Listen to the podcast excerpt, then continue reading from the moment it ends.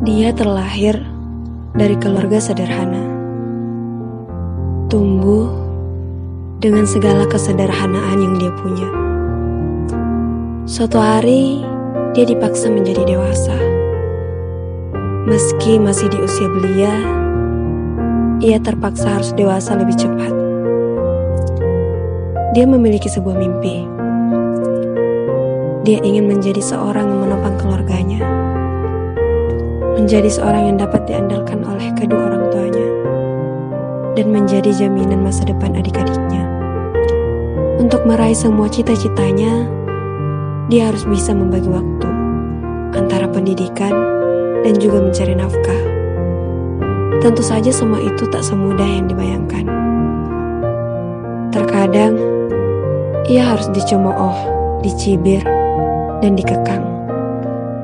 Mungkin karena kesederhanaannya, ia terlalu sering diremehkan.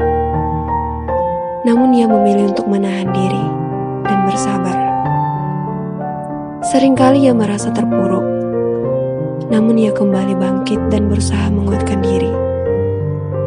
Dia belajar menguatkan hati, menahan jiwa agar tak marah, meski sering disakiti.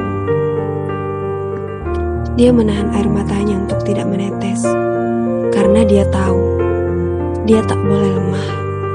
Dia harus bisa lebih kuat, karena dia tahu banyak harapan yang tertumpu padanya, dan dia ingin mewujudkan harapan itu.